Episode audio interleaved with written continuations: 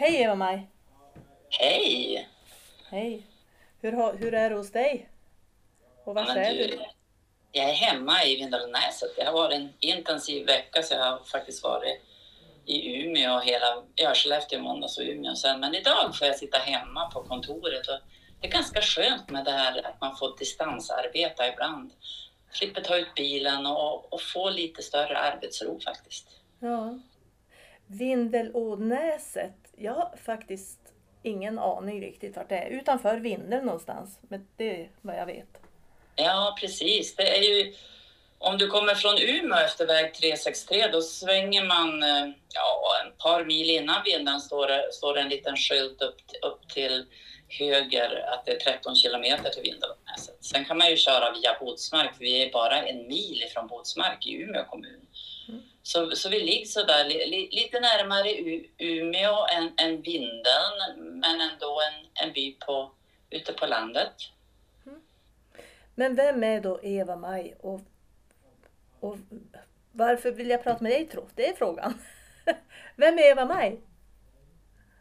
Ja, jag har ju haft den stora förmånen att få vara till professionen heltidspolitiker, förtroendevald, vilket jag tycker är viktigt att, att trycka på i, i många, många år. Så, så jag är ju politiker, men Eva-Maj är ju också farmor och mormor till sju underbara barnbarn. Jag är mamma till fyra och jag är gift med Tommy. Ni Eh, bor ja. med familjen också? Eller det är någon av barnen Ja. som... Ja visst, vi har ju...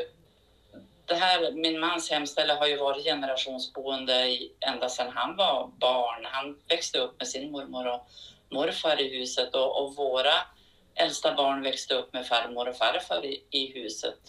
Sedan, sen har vi byggt ett gårdshus till så att eh, under en period bodde yngste sonen i samma hus som oss med sina, sin fru och sina tre barn. Men nu har de flyttat in i gårdshuset så vi har stora huset själv och, och det behövs nästan för när det blir storhelger då är vi ett 20-tal personer som ska vara här och, och många vill bo uppe på i lägenheten där uppe så att det är fullt hus. Vi samlas hela familjen och släkten. Ja, det låter som här, lite gammeldags eh, bondfamilj. Absolut, det är ju så. Vi, vi, vi är väldigt mycket så. Vi gillar traditioner. Vi gillar att vara tillsammans i alla åldrar. Eh, Jag känner ju Eva-Maj, jag känner ju dig ja, sedan länge. Jag, vet, jag kommer ihåg första gångerna jag var så imponerad. Du hade så stort tjockt eh, hår, lockigt hår. Jag kommer ihåg det där håret. Eh, och att du var som så... Ja, jag var så imponerad utav dig. Jag var nog lite så här starstruck när jag var ny i, i min, polit, min politiska bana. Ehm, och det är ju väldigt länge sedan det här. Och sedan dess har vi ju följts åt eh, i, i det här länet, du och jag. Mm. Men vad var, det som drev, vad var det som gjorde att du började engagera dig politiskt? Ja, det var väl egentligen när, när vi flyttade hem här 77 då till Tommys hemgård. För det, det var ju något som han sa redan 1973 när vi träffades att ska du vara med mig vet du, då ska du få bo i Vindelånäset.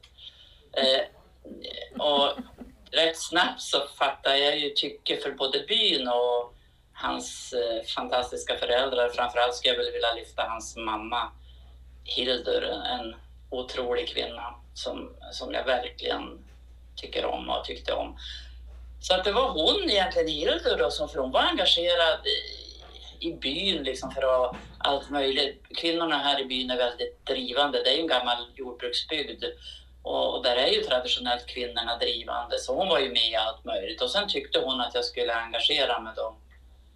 Hon var engagerad i Centerkvinnorna och jag, jag halkade ju in. Jag tyckte det var roligt att vara med och Sen när vi hade fått tre barn, då var det någon som tyckte att "Nej, nu borde du väl vara... Det finns en plats i skolstyrelsen, hette det på den tiden. Ska du inte ta den? Och det var ju innan, innan den så att säga kommunaliserades. Så jag fick en ersättarplats där. Och sen, ja, det hände lite pö om pö och sen hade jag väl aldrig tänkt mig att vara, vara heltidspolitiker. Det har aldrig varit en målsättning. Jag, vi hade eget företag, jag och maken. Jag var väldigt nära involverad. Vi hade skogsmaskiner. Jag, jag var VD här i, i vårt... Vi, startade ett industrihusbolag och har byggt ett industrihus här i, i, i byn och det, där var jag VD då under tiden vi skulle bygga det så jag var jätteengagerad i det. Så att eh, jag hade ingen tanke på att gå in något mer i politiken än att möjligen få en fullmäktigeplats då och, och kanske få sitta då och jobba med skolfrågor och barnomsorg som jag tyckte var viktigt. Mm. Det... det blev ett bananskal skulle jag vilja säga. Ja.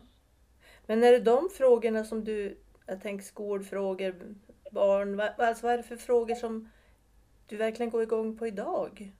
Och vilka frågor har du gått igång på under din politiska karriär?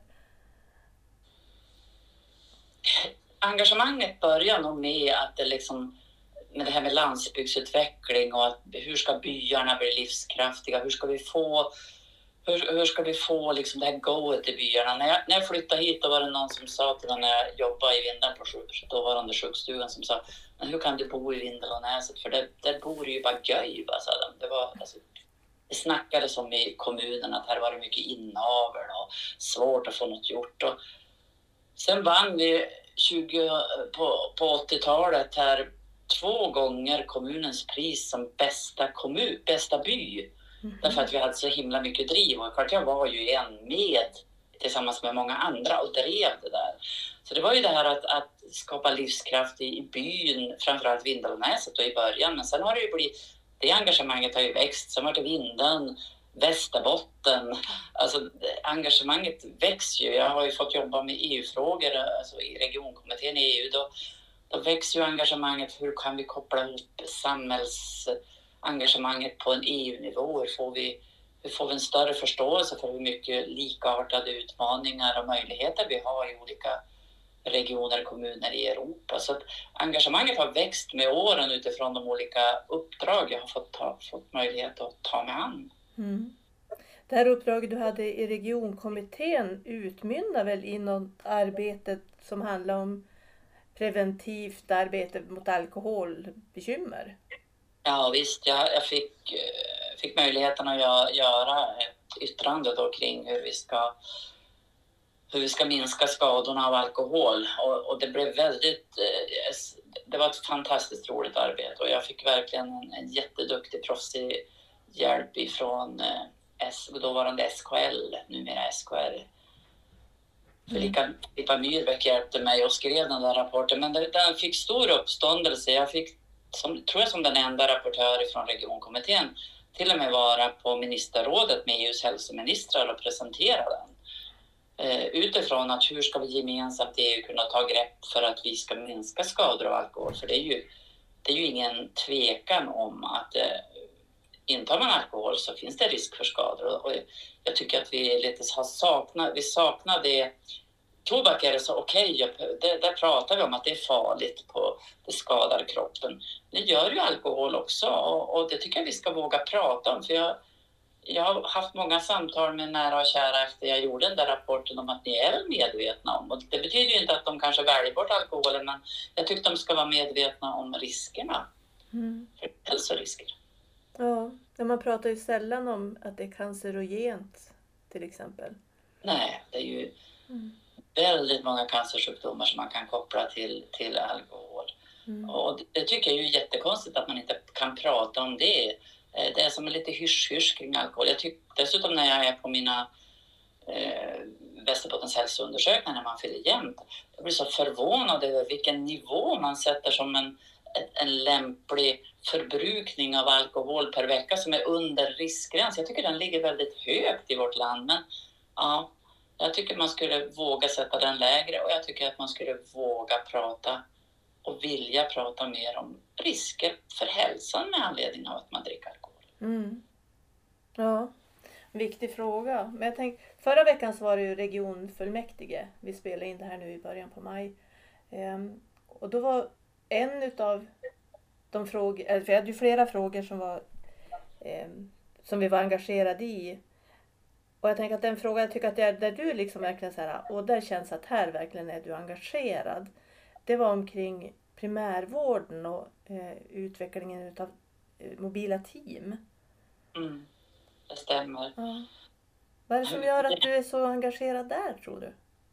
men det ligger ju i det här att vi, vi, vi, vården ska ju vara till för, för patienten och, och alla. Det är ju nationellt, vi pratar ju om den nära vården. Mer ska ut till primärvården. Och, och, och då tycker jag det är så konstigt att vi fortfarande så är liksom normen är att jag som patient, jag ska åka till ett hus och där ska jag få träffa den profession, om det är läkare eller sjukgymnast eller distriktssköterska som jag behöver träffa.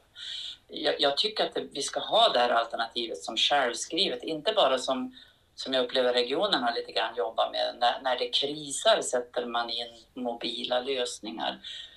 Jag tycker att vi ska lägga in mobila team som, som en naturlig och budgeterad post i regionens budget. För, för att möta människorna i hemmet, det gör ju det gör ju att vi både ser situationen för personen på ett helt annat sätt än vad vi kan få det berättat för oss när vi sitter på en hälsocentral. Det, det gör att, att personerna känner sig tryggare med att bo hemma och det handlar ju det handlar både om barnfamiljer men det handlar ju kanske väldigt mycket om våra lite äldre människor som behöver känna en trygghet i hemmet även när man börjar ha lite åkommor. Mm den här kulturen vi har i Region Västerbotten, att jo, men den är bra med mobila team och, och kör dem, men de har ingen budget så de kan liksom inte bygga en verksamhet och rekrytera personal som känner att det är en trygghet att jobba med det här. För jag, jag, tyck, jag som sjuksköterska eller läkare tycker det här är viktigt, men jag, jag vet inte om det finns det här utrymmet nästa år. Så vi har ju motionerat ifrån Centerpartiet både om det här primärvårdsteamet som man kallar för primär som finns och har verkligen blomstrat och gjort jättenytta under corona och covidperioden här när man har stöttat upp i samverkan med kommunerna då, mycket i hemmet och undvika att man har behövt åka in med smittorisk och allt möjligt annat. Och sen eh, har vi också motionerat om det här geriatriska öppenvårdsteamet som, som bevisligen har, har gjort att, att äldre patienter har kunnat åka hem tidigare från sjukhuset och fått stöd i rehabilitering och att liksom finna hur jag ska klara mig hemma med, med den åkomma jag har eh, på ett helt annat sätt än om man har legat länge på sjukhus, vilket är faktiskt dyrare än att ha ett team som kommer hem till det.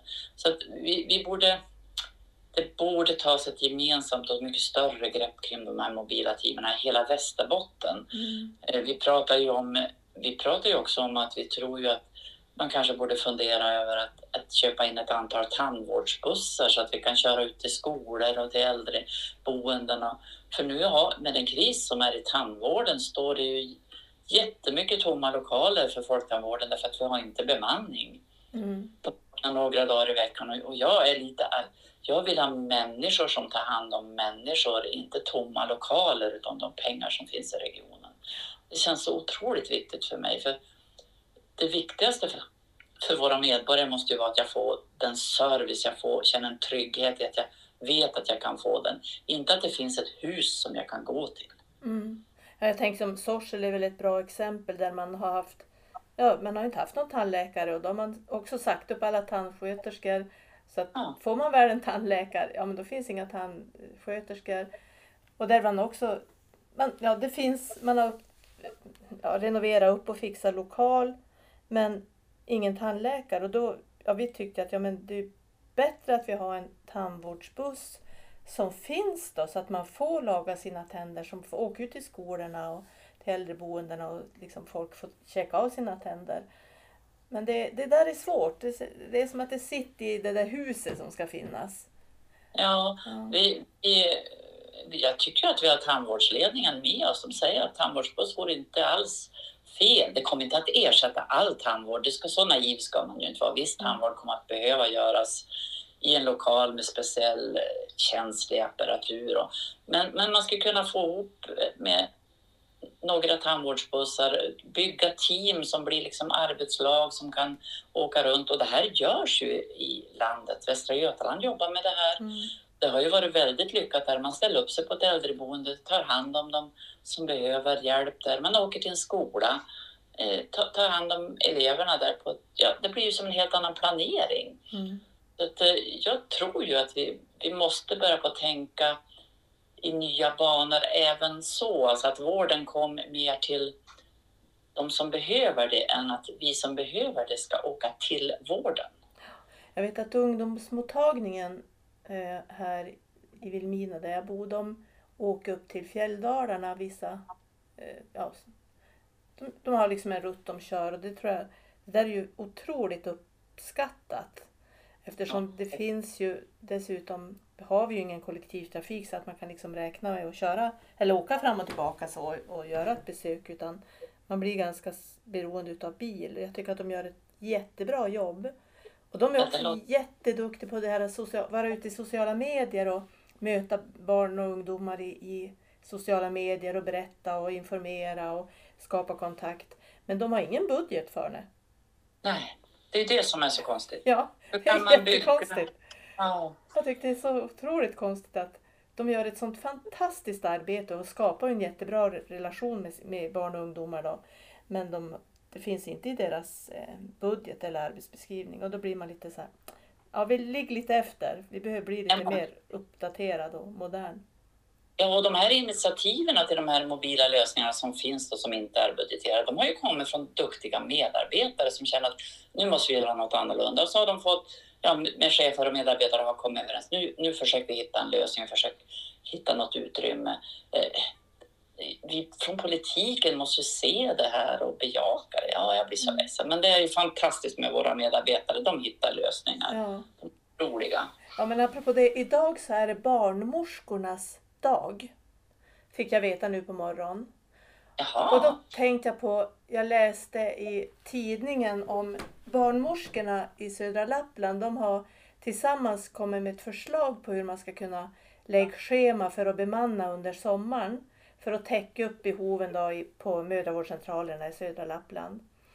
Eh, men men det, det fick de inte igenom. Eh, utan för deras förslag, hade, ja, de fick inte igenom sitt förslag för att ledningen tyckte att ja, men vi kan inte göra eh, undantag för södra Lappland för de måste se ut likadant i hela länet. Och jag känner så här, varför det? Om nu ja. personalen själv kom med en lösning, man har pratat ihop sig. Eh, en av barnmorskorna känner jag väl, eh, Lina i Åsele.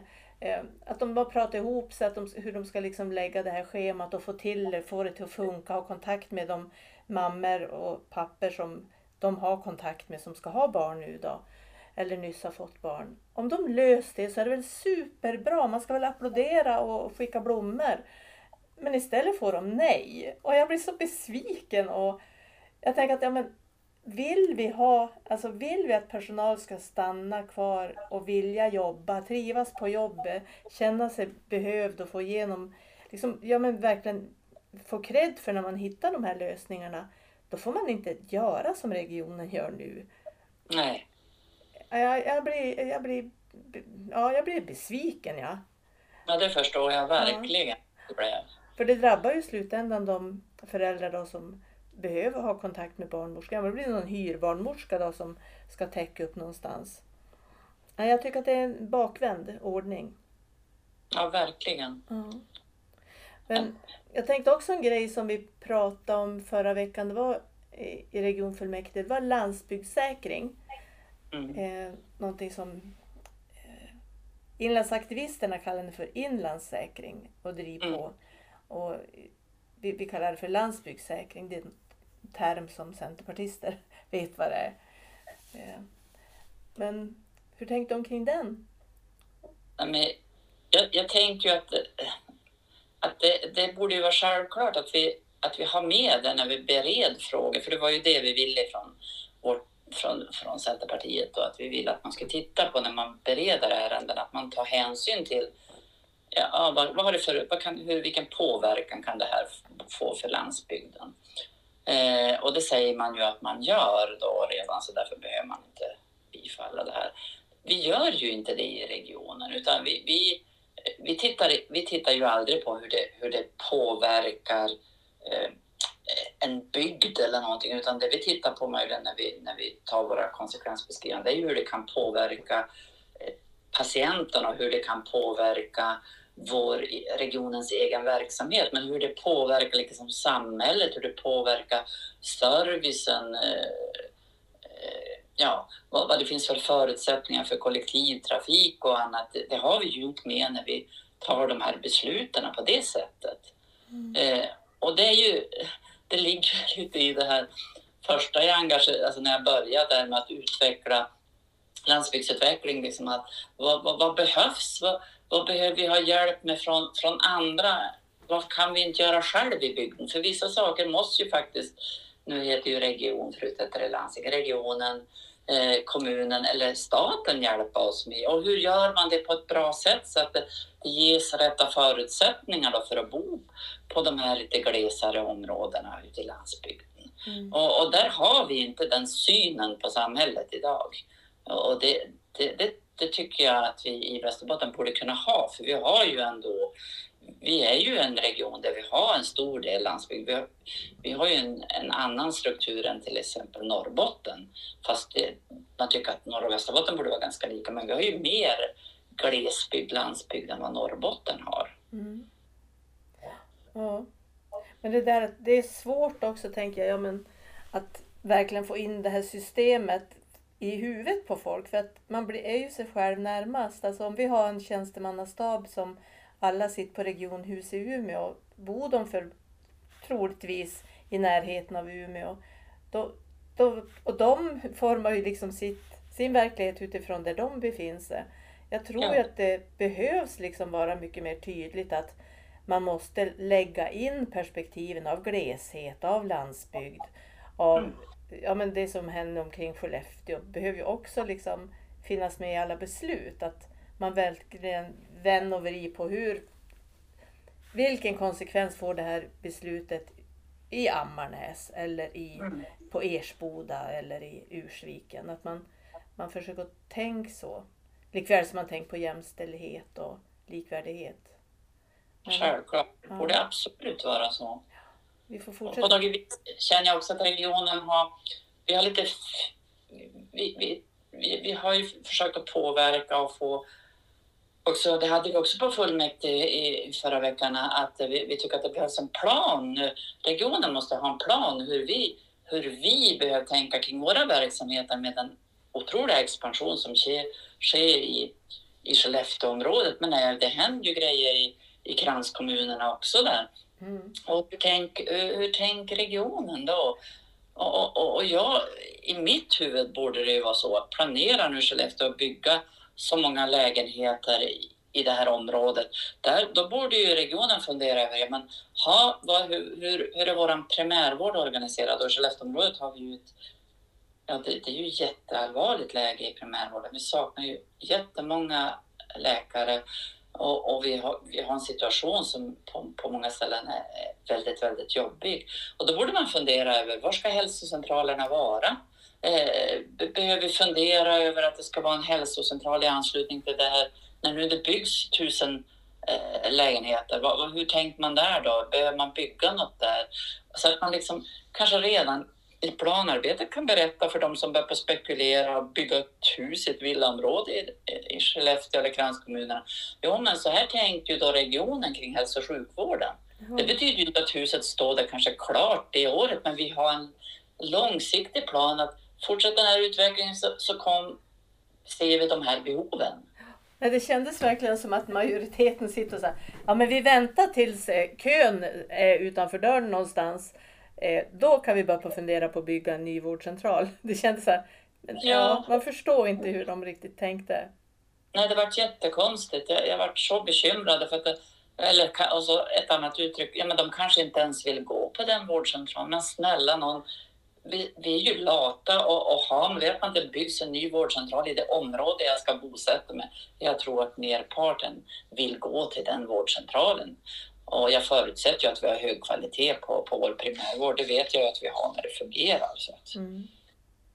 Sen tänker jag att jag får också ofta frågan, ja men varför, varför blir det inte någon skillnad? Vad gör ni för nytta som politiker? Och vissa dagar känner man ju att man gör mer nytta än andra. Och det gör man ju när man får igenom det man har lagt förslag på eller det man känner att ja, men det, här är, det, här har vi, det här har vi drivit på och det här vill vi också. Och så är det ju i regionen att mycket, vi får ju faktiskt igenom saker som vi lägger förslag på. Och då känns ju, ja, då känner man sig ju nöjd. Ja, då blir man jätteglad. Men, men, men det är mycket svårare att vara, vara synlig i regionpolitiken än, än vad det var att vara synlig i kommunpolitiken. Man, man, I regionpolitiken så är det väldigt ifrån media, för det är ju de som hjälpt till att göra politiken mm. Så är det ju liksom, de, är inte, de gör ingen större dykning som regel än att prata med ordförande, vice ordförande. Sen är det punkt. Mm. Eh, har man inte den positionen, då, då, är det liksom inte något intresse att, att lyssna. Jag upplevde när jag var kommunpolitiker att där hade man en det var man viktigt att man skulle prata med inte bara män utan kvinnor också. Det var mer som man tänkte lite bredare där. Men känns inte som man har det sättet när man ska spegla regionpolitiken och då tycker man, det har väl det här SVT-granskningen också visat att eh, vi regionpolitiker är ju väldigt osynliga mm. för, för, för den vanliga medborgaren. Jag var ganska besviken förra veckan för jag tyckte och det kanske var för att jag tycker att det var så stort att vi, vi fick igenom den här motionen om samers hälsa, en, en digital hälsocentral. Och då, det var ju jättestort. Vi fick ju igenom det vi hade, det, delvis det vi hade velat. Då. Eh, men det är ingen media som har skrivit om något och jag tänkte, ja men varför det? men jag tänkte kanske var för att det var stort för, för, för oss men inte för allmänheten. Jag vet inte. Ja, det är som det är. Det är som det är. Ja. Men hur tänkte du framåt nu då? Nu är det valrörelse och sen är det... Ja, jag känner mig ju fortfarande... En del kanske skulle kunna tycka att det håller på dags för dig att vara med och lägga av. Du, som du pratade om Maria, det är länge sedan vi träffades första gången. Håller på många år, men jag brinner ju fortfarande och för mig blev det ju en, en riktig nytändning att få börja med regionpolitiken. Och mm. Jag känner ju att det är så otroligt mycket att ta tag i i regionpolitiken som skulle behöva styras i en annan riktning och, och där, där mycket tydligare att politiken är med och verkligen tar ansvar för, för de beslut som tas. För, för regionen har ju en väldigt god hälso och sjukvård eh, när man får sin vård. Det, det, är nog ingen tvekan om det. Men, men det finns många saker kring personalpolitiken, eh, kring hur, hur, hur ansvar ut, kan utkrävas och hur besluten är fattade och sånt där, där det brister och där, där jag utifrån min kommunala bakgrund säger att eh, här vore det självklart att politiken ska stå där och, och tala om, nu har vi, ja, till exempel driver vi ju bort från Centerpartiet och vi har ju fått igenom det nu att ska BB i Lycksele stängas så ska det vara ett politiskt beslut. Det ska inte vara ett tjänstemannabeslut. Och det känns ju konstigt. Varför driver vi det? Det vore väl varför ska politiken fronta? För det är väl ändå verksamheten som bestämmer. Men på något vis, hur ska, hur ska ni som väljare förstå att det är vi politiker som bär ansvaret om vi inte frontar? Mm. För det är ju ändå ytterst vi som genom budgetar och genom andra saker lägger möjligheten för verksamheten att bedrivas. Mm. Och då borde vi finnas där och ta besluten också. Så därför Eh, både glada och, och, mindre trevliga beslut tycker vi ju att det ska, det ska synas att det är politiken som fattar så att säga, beslutet om, mm. om eh, vad, vad man ska göra, men hur det ska utföras det är ju naturligtvis våra duktiga tjänstepersoner som formulerar det. Men, men det är en kultur i Region Västerbotten sedan 40 år, ja, så länge det har varit det styre det är nu och det är det ju många år.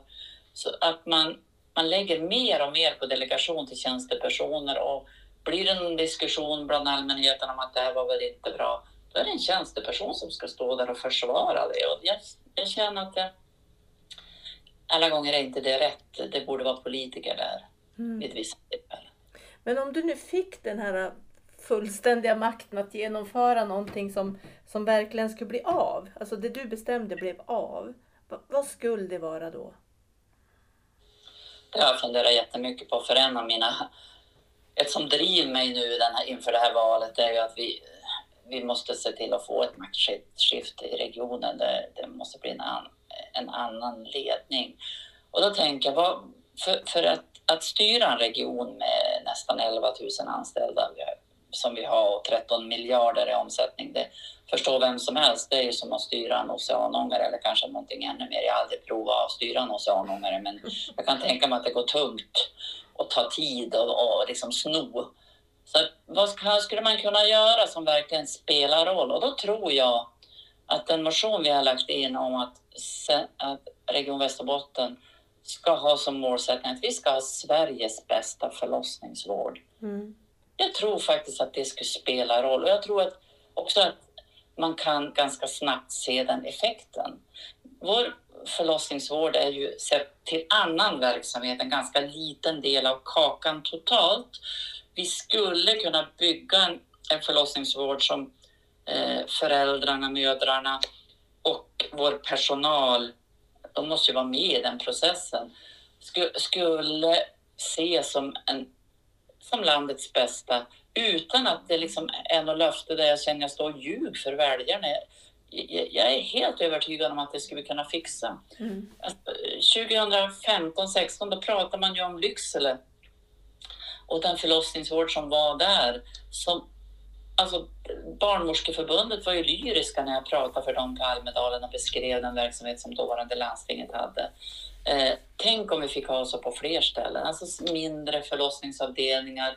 Eh, vi borde jobba med barnmorskeledda för, förlossningsenheter där det är lämpligt att göra det. Alltså, och fundera naturligtvis över schemaläggningarna, Där vi, där vi hör ju att det, det, är ju en anledning till att många inte orkar. Och vi, vi har jättemånga förslag, både ifrån verksamheten eh, och vi skulle kunna ta in många förslag ifrån eh, föräldrar så att vi skulle kunna bygga den här verksamheten. Och då skulle vi kanske till och med vilket jag tror. Jag tror vi skulle kunna få en inflyttning till Västerbotten och det behöver vi. Som ung förälder, jag ska föda barn. Vad är, vad är viktigt? Vi ska bilda familj. Vad är viktigt för oss? Ja, vi vill ju bo fint, vi vill ha jobb. Bo fint och få jobb, det kan man få i Västerbotten. Ja, och sen är det ju viktigt hur det ska... Jag vill inte att det ska vara dåligt när jag ska föda barn eller när vi ska bli föräldrar. Nej, men vi har Sveriges bästa. Då tror jag man tittar en gång till, en gång mm. extra på Västerbotten och funderar kan det vara ett lämpligt ställe om alla de här parametrarna stämmer? Så jag tror att det skulle vara bygga attraktionskraften för hela Västerbotten. Mm. Ja, för att jag tänker nu som det har varit nu när man diskuterar stängning av BB i Lycksele till och ifrån. Just den otrygghet som det skapar hos människor som, som planerar och bilda familj. Den är ju jättestor. Att den, det ska inte få vara så. Man ska kunna få känna sig trygg oavsett ja. vart man bor någonstans i länet. Så vi, vi får verkligen hoppas att vi når Sveriges bästa förlossningsvård. Det är ett, en viktig målsättning. Den, ja, den mm. är det. Jag, jag, jag, jag, tror den ska, den ska ge så himla mycket för västerbottningarna. Mm. Eh, vi tänkte att vi, vi, skulle kunna sitta och surra här i timme ut och timme in men vi ska försöka avsluta. Eh, jag brukar fråga om det är någon som du tycker att jag borde prata med i den här podden? Mm. Eh, du, du hade ju lite grann förberett mig, så jag har funderat en hel del och, och, och det jag landade vid det var ju att eh, jag började engagera mig därför att jag liksom ville hjälpa till i byn. Det skulle bli full fart och sen har det liksom, mina ringar blivit större. Eh, och då tänker jag på en person i Vindeln. Eh, han bor inte i Vindeln, han bor i Stockholm. Men Jan Weimark, han är grundare och huvudfinansiär får man säga till det här Grane Beckasin i Grane. Och, och med det är ju han är delägare i butiken, han är med och bygger tillsammans med andra lokala företag då, eh, lägenheter i Grane nu. Och han har ett otroligt samhällsliv. Men han, han har ju också ett kapital som han har byggt upp i sina företag som gör att han, han har en ekonomisk styrka som gör att han, han går in med sina egna medel och, och stöttar upp i bygden. Och det här betyder så otroligt mycket. Och jag tänker att det kunde vara intressant att få lyssna till hur han, varför han har det här engagemanget. Vad, vad, vad, vad drivs han av? Mm. Så Jan Weimark tycker jag skulle vara spännande att få lyssna till. Ja, det ska jag skriva upp här. En spännande människa. Jag har faktiskt aldrig varit i Granöbäckasin. Jag har bara kört förbi. Jag har aldrig varit där och bott. Jag har tänkt, åh dit måste man ju åka. Men det har aldrig mm. blivit. Man bara passera. Ja, så kan det ju vara ibland. Mm. Man är ofta på väg. Ja, man är ju så.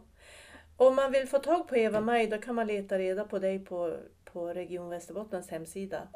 Absolut. Och är det något jag älskar så är det ju kontakter med människor. Det, det har jag sa, alltså, jag har ju färre eh, öga mot öga kontakter och samtal nu som regionpolitiker än vad jag hade som kommunpolitiker. Så det har väl varit en sak som jag har lite känt en viss saknad efter i, i den här nya rollen. Men nu blir det ju valrörelse så nu kommer jag att träffa jättemycket människor Ja, och det är jag verkligen fram emot. ja det blir kul.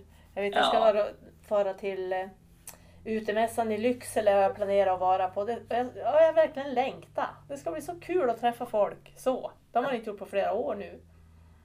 Precis, jag var på seniormässan på Nolia i Umeå igår. Och det var så roligt att prata med människor och, och man såg ju till och med någon bekant man inte hade sett på jättemånga år. Det var, jag var som lite euforisk när jag kom hem igår eftermiddag. Ja. Och de har ju tagit fram ett jättebra manifest om eh, att trygg, trygg ålderdom, eller vad heter den? Ja, precis. Ja, det här seniormanifestet som, Ja. som vår seniora grupp har tagit fram, det, det är jättebra. Och jobbas ju verkligen intensivt nu från partiet att den här gruppen ska få, få ett utrymme i valrörelsen. Så det känns Ja. jätteroligt och viktigt. Ja, trygga, trygga, trygga äldre är målsättningen. Precis. Vad ska du göra nu resten av dagen då? Ja, i eftermiddag blir det lite ja, sån här administrativt arbete kring valet. Vi har i distriktet något vi kallar för valkommitté där vi planerar hur man ska jobba i, i länet. Då. Så det är lite sånt arbete. Och sen fick jag hem min nya tvättmaskin igår. Jag har varit utan tvättmaskin i två veckor och Oj. tvätten efter påsken ligger så att det är ett berg. Så jag går liksom det är skönt att jobba hemma. Jag kan gå och hänga tvätt och så sätter jag mig och jobbar och så hänger jag tvätt och så. Så det är lite sånt idag. Ja, jag vet hur det brukar se ut hemma hos oss efter påsk. Det, det är påslakan och handdukar överallt som hänger Ja, det blir ju det. Ja, det, det är så. Ja, men du, Eva-Maj, du ska få tömt tvättmaskin och, jobba vidare så, Jag ska ses göra vi. det. Tack Ja. ska du ha Tack ska du ha. Idag.